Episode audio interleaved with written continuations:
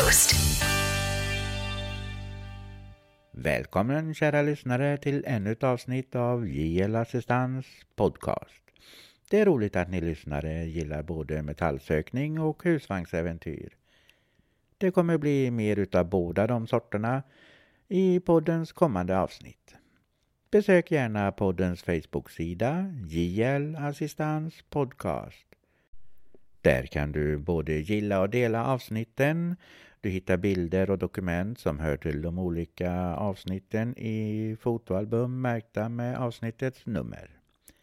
Du kan kommentera avsnitten och skicka meddelande via Facebook-sidan eller våran e-mail podd snabela jlassistans.se Jag heter Jonas Lundström. Vi har en hel del i denna veckans avsnitt, så nu kör vi igång!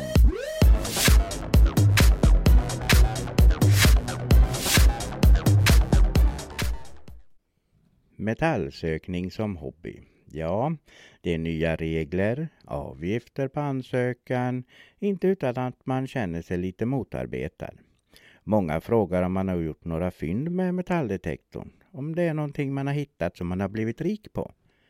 Man läser ju så ofta i tidningar och hör på radio och tv ifrån andra länder där upphittaren av fornfynd och andra trevliga saker har blivit mer eller mindre förmögen.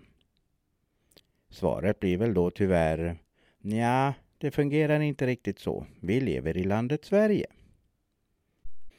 Lars Anders Johansson, poet, musiker och journalist, ansvarig för kulturfrågor vid tankesmedjan Timbro, skriver följande. När jag var yngre ville jag bli arkeolog. Jag älskar tanken på att ur jorden gräva fram lämningar från människor och kulturer som funnits långt före oss. Att genom fynd bidra till att skapa ny kunskap om det förflutna och på så sätt också hjälpa förståelsen av vår egen kultur och hur världen har blivit som den är. Man blir så ledsen och uppgiven när man läser det Ola Wong skildrar i Svenska Dagbladet hur svenska myndigheter, det vill säga länsstyrelser och Riksantikvarieämbetet, uppmanar sina arkeologer att destruera fornfynd vid utgrävningar. Till exempel amulettringar från järnåldern. Tidigare så sparades så gott som alla sådana fynd. Men enligt den nya tidens anda ska man spara så lite som möjligt från utgrävningarna och det är utav kostnadsskäl. Man hade kunnat tänka sig att de föremål som staten inte längre anser sig ha råd att ta tillvara kunde auktioneras ut så att staten kunde tjäna sig en liten hacka och därmed ha råd att bevara fler föremål. Och föremålen för hamnade förhoppningsvis hos någon entusiast som på ett bättre sätt kan ta hand om dess värde. Man hade också kunnat tänka sig att det kunde skänkas till skolor och universitet som då kunde stoltsera med äkta fornfynd i sin undervisning. Ett tredje alternativ är att fynden, som i samband med upptäckten automatiskt blir statens egendom, återbördades till ägaren av marken där de hittades. Men så fungerar det inte riktigt. Istället skickas det som staten inte vill ha, det skickas till metallåtervinningen. Anledningen är att Riksantikvarieämbetet och länsstyrelserna inte vill se att det uppstår en marknad för fornfynd som skulle kunna leda till att lycksökare gav sig ut i markerna med metalldetektorer. Tydligen anses det vara ett större problem än att kulturarvet smälts ned och går förlorat för alltid. Det argumentet är dessutom rent felaktigt eftersom en ökad tillgång på fornfynd skulle minska andrahandsvärdet och således risken för plundrare. De gamla föremålen är vår enda källa till kunskap om de epoker som saknar skriftliga källor.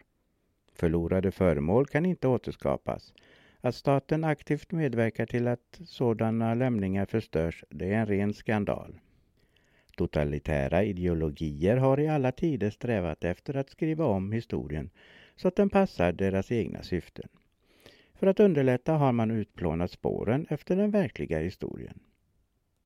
Under kulturrevolutionen i Kina försökte man få bort allt det gamla för att få in det nya och mängder med antika föremål och kulturvärden förstördes och gick förlorade för evigt. I Afghanistan sprängde talibanerna uråldriga buddha-statyer för att utplåna spåren av en kultur större än deras egen. Och på senare år har vi kunnat se chockerande videoklipp av IS-terrorister som slår sönder fornfynd i erövrade städer. Men även i Sverige har kulturarvet länge varit satt på undantag. Samma häxbrygd av kulturradikalt historieförakt har utplånat de svenska städerna då politiker och stadsplanerare beredde plats åt motortrafikleder och Domusvaruhus håller idag på att beröva oss oersättliga fynd från det förflutna. Staten har blivit kulturarvets fiende i en tid där kunskaper om historien ter sig angelägnare än på länge. Min fråga till er poddlyssnare, ska vi ha det på detta sättet? Angående hittelön och ersättning skriver Riksantikvarieämbetet följande. Angående inlösningsersättning och hittelön för fornfynd. Enligt kulturmiljölagen beslutar Riksantikvarieämbetet om inlösningsersättning och hittelön för inlämnade fornfynd.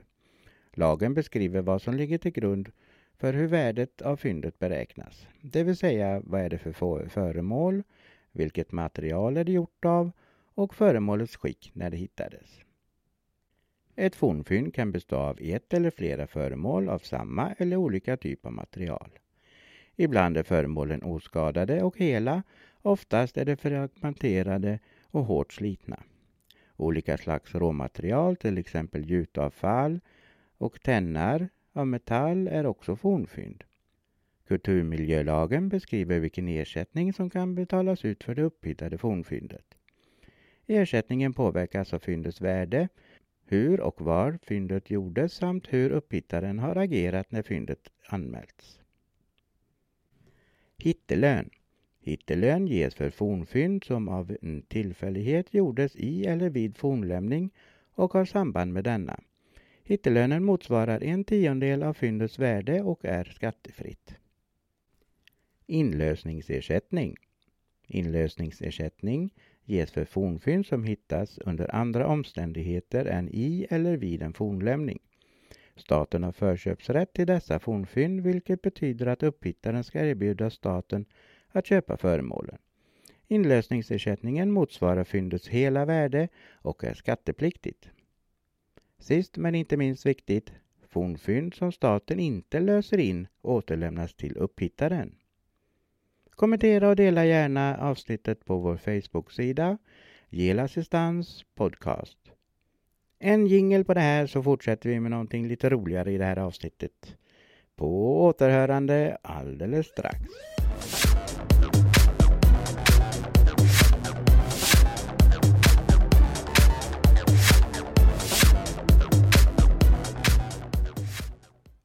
När det gäller metallsökare och Gotland så är det totalförbud, på gott och ont. Förbudet är för att förhindra plundring av alla de skatter som mycket troligt fortfarande finns kvar i stora mängder runt om i markerna på ön. Hur kan det då komma sig att det finns så mycket på just denna ön? Vi ska kika lite på det här. I oktober 2006 hittade två pojkar på Gotland en silverskatt med över 500 mynt. Bland dem många över tusen år gamla arabiska mynt. Tillsammans vägde silvret över tre kilo. Ingenstans i Europa har man hittat så mycket silverskatter som på Gotland. Långt över 750 stycken.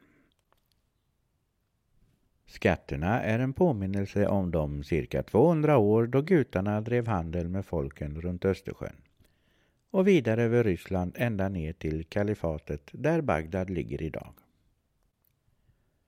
Den största skatten någonsin, världens största bevarade silverskatt från vikingatiden, hittades på ön så sent som 1999 av lantbrukaren från Spillings i Ottem socken sammanlagt 65 kilo silver och 20 kilo brons. Det mest exotiska i dessa gotländska silverskatter är de arabiska mynten. De är alltifrån sassanidernas dynasti från 600-talet till de abbasidiska under 800-talet och några år senare. Det var mynt som användes på den tiden i ett stort område i dagens Mellanöstern upp mot Kaspiska havet och runt Svarta havet. Det kunde också användas för affärer runt Östersjön eftersom det som gällde inte var texten på mynten. Den kunde ändå ytterst få läsa vare sig det stod på arabiska eller latin. Alla mynt vägdes och det var tyngden och silverhalten som angav värdet. Ett stort antal av de arabiska mynten präglades på 700-talet i staden Al-Kuf som var huvudstaden för abbasiderna innan Bagdad grundades. Den texten var svårläst varför kufisk text ännu i våra dagar har fått betydelsen en svårläst eller mystisk text. Över 80 000 arabiska silvermynt har hittats på Gotland, fler än någon annanstans i Europa. Men att gutarna hade affärer med hela den dåtida kända världen visar många andra myntfynd, inte minst engelska. Det har hittats fler vikingatida engelska mynt på Gotland än vad vi har hittat på de brittiska öarna. Gotland spelade av allt att döma en synnerligen viktig roll i den internationella handeln. Det var under den tiden då sydeuropeer av olika politiska skäl inte kunde nå Mellanöstern utan handelsvägarna gick den norra vägen över Skandinavien och de ryska floderna. På Gotland fanns vid den tiden cirka 1500 fria gårdar vars bönder drev både jordbruk och handel. Det var så kallade farmannabönder. De grundade kolonier i dagens Baltikum och Polen men att gutarna var många även i Ryssland det visar det faktum att det byggdes en kyrka för gotlänningarnas skyddshelgon Olav den helige i Novrogod där det också fanns ett gotländskt handelskompani kallat Gutagård. Gotland fungerade som en frihandelsrepublik ungefär som Island. Ön styrdes av landet, ett slags ting lett av en vald landsdomare. Ön var sedan delad i tre delar, Suder, Medel och Nordertredingen som alla i sin tur var uppdelade i mindre, mer lättadministrerade enheter. Historikerna har olika åsikter om vad gutarna egentligen handlade med. Vad fick de att bli så rika på silver? Det finns ytterst få fynd av Gotlandstillverkade varor i jorden i Ryssland. Historikerna tror därför att gutarna sysslade med transithandel mellan Västeuropa och Baltikum, Ryssland, Konstantinopel och kalifatet. De sålde kanske järn från Bergslagen, bärnsten från Baltikum, svärd från Västeuropa. Kanske var de stora i slavhandeln, transport och försäljning av krigsfångar och trälar till kalifatet. Från den egna ön kunde de skeppa kära, kalksten, vadmal, ull och fårkött. Varför grävdes skatterna ner? Den troligaste förklaringen är att silvret skulle sättas i säkerhet då fienden hotade. Torsburgen, Sveriges mäktigaste byggnadsverk från forntiden, vittnar om väl organiserad beredskap för fientliga anfall. En del av de 750 silverskatterna grävdes kanske ner för att det låg säkrare för tjuvar i jorden än om de hade gömt dem hemma i husen. Den gotländska jorden fick helt enkelt fungera som dåtidens schweiziska kassavalv. Sedan avled eller försvann ägaren innan skatten kunde grävas upp igen. Vissa historiker tror att en del skatter också kan ha grävts ner av religiösa skäl som ett offer till gudarna. Den gyllene perioden för Gotlands bönder tog slut uh, ungefär kring år 1000 då maktförhållandena ändrades i Ryssland och nordbornas handelsvägar blockerades samtidigt som syd och västeuropeerna lärde sig att bygga snabbare och bättre båtar än nordborna. Därmed upphörde gutarnas gyllene tid och direktkontakterna med Bagdad bröts för alltid.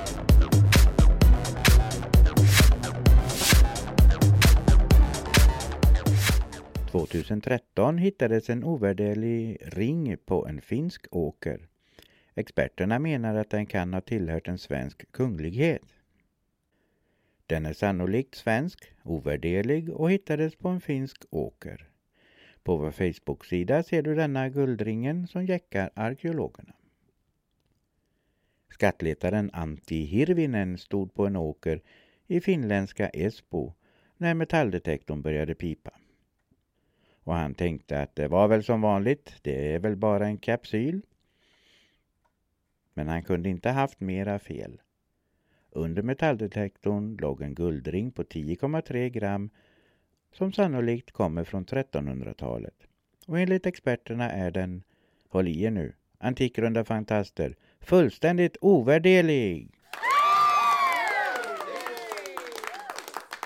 På Esbo stadsmuseum kunde man knappt tro sina ögon när Antti lämnade in smycket. En sådan ring har aldrig tidigare hittats i Finland. Nu försöker forskarna ta reda på varifrån ringen kommer. En av teorierna är att den har burits av någon i det svenska hovet.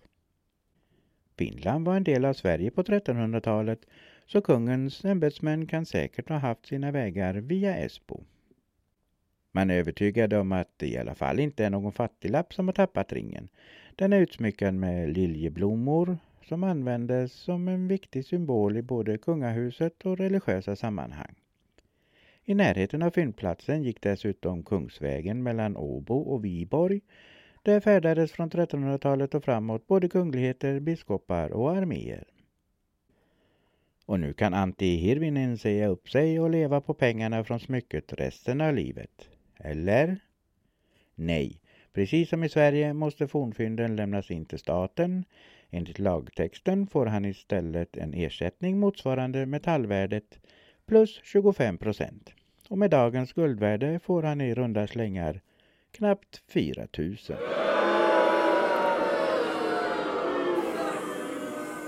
Då är det lite bättre ställt i England och Storbritannien för oss eh, detektorister.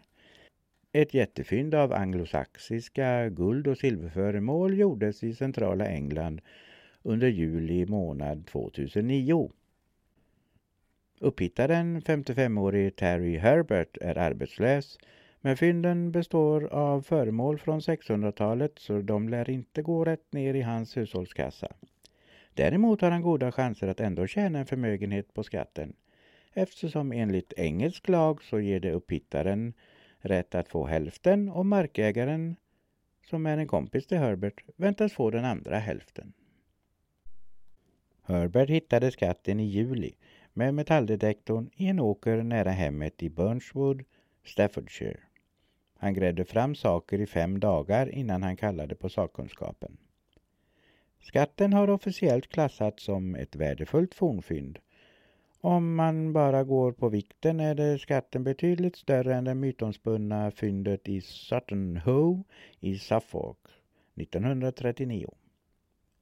Föremålen, minst 1350 stycken, kan ha tillhört en saxare av kungasläkt. Bara guldet väger 5 kilo.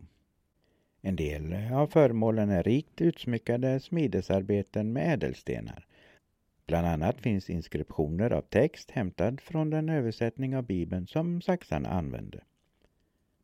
När skatten visades upp på en eh, presskonferens i Birmingham sa arkeologen Kevin Leachy att varken han eller hans kollegor hade skådat något liknande. Något uppskattat värde i pengar för fyndet har man ännu inte meddelat. Det kan ta ett år eller mer. Värderingen görs av British Museum.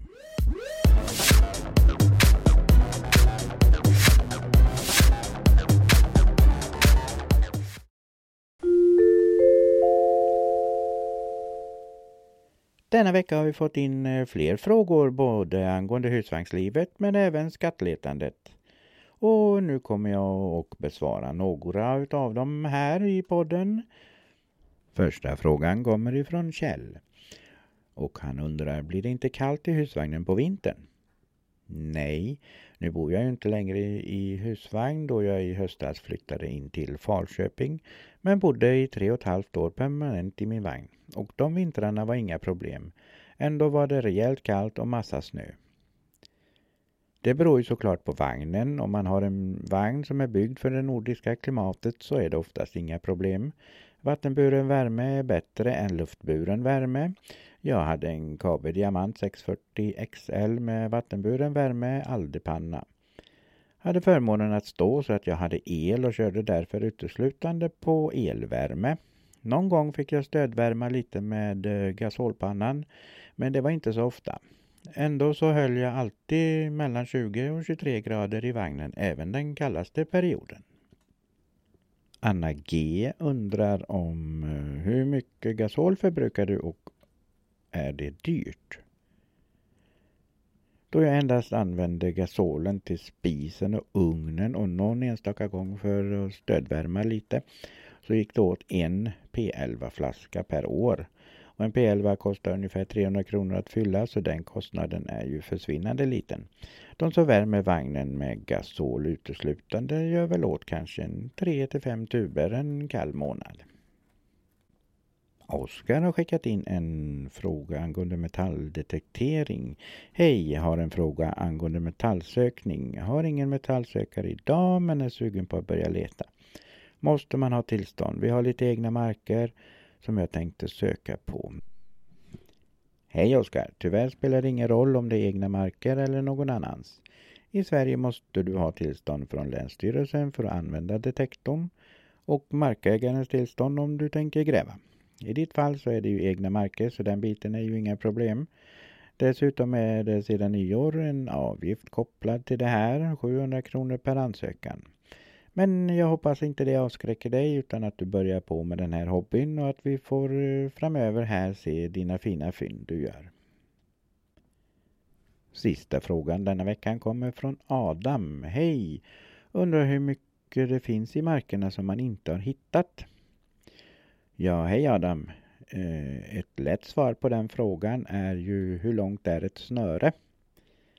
Man kan omöjligt veta hur mycket som fortfarande gömmer sig ner i markerna och om vi räknar bort alla ton med rent skrot som ligger där och bara tänker på skatter av värde, alltså inte bara ädelmetaller utan ett historiskt värde, så tror jag att om du räknar ihop allting som vi hittills har funnit i den svenska myllan så är det nog bara toppen av ett isberg. Det vill säga, vi har nog bara börjat. Tror personligen att det finns massor som är gömt eller kanske tappat eller av annan anledning finns nere i jorden. Men man ska också tänka på att det som ligger där nere inte blir bättre med åren. De, de håller sakta på att vittra bort.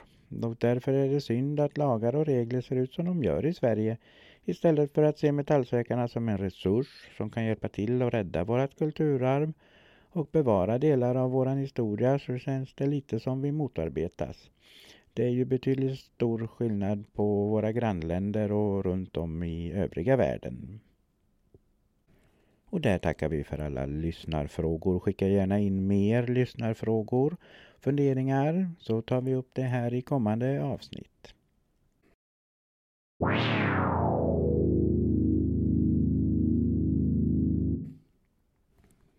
Var det dags för poddens Visste du att? Visste du att världens största smörkniv finns i Sverige?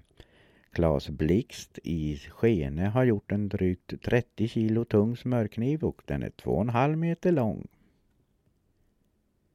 Ytterligare en visste du att?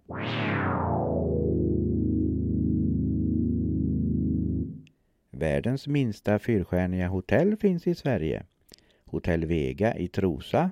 Det har bara tre rum. Lite filmtips ska vi också passa på att ge här i den här podden. Ser nästan inte på TV. Det är inte säkert att TVn ens är påslagen under tre, fyra veckor. Och då menar jag tv-program. Eh, konsumerar mängder med film dessutom. Eh, ser på film varje kväll med min sambo. Alla möjliga genrer. Personligen gillar jag nog mest deckare, gärna brittiska deckare. Men även lite mysrysare. Och ska här tipsa om en riktigt bra serie från Norge faktiskt. Filmserien jag vill tipsa om är i tre delar. Den heter Fritt vilt. Handlar om ett kompisgäng som åker på en snowboardtur till Jotunheim. På fjället så ramlar en av dem och bryter benet och de försöker ringa efter hjälp men har ingen täckning på mobiltelefonen. De övernattar på ett öde fjällhotell eftersom det är för långt att gå tillbaka till bilen. Hotellet har varit tomt sedan det lades ner på 70-talet efter att ägarens son försvunnit. Men det visar sig snart att ungdomarna inte är ensamma på hotellet. En riktigt bra serie. Tycker ni ska se den. Kom gärna med kommentarer på filmen och kan vara intressant att höra vad ni lyssnare tycker om den här. Det var allt vad vi hade den här veckan. Besök gärna vår Facebook-sida JL Assistans Podcast. Eh, skicka gärna in flera lyssnarfrågor och kommentera gärna filmtipset. På Facebook-sidan hittar du även bilder och dokument från avsnitten. De ligger i fotoalbum märkta med avsnittets nummer. Det går också bra att kommentera och skicka meddelande via Facebook-sidan eller våran e-mail podd jlassistans.se Vill ni så hörs vi igen nästa vecka. Lyssna gärna på de tidigare avsnitten. Tjingeling!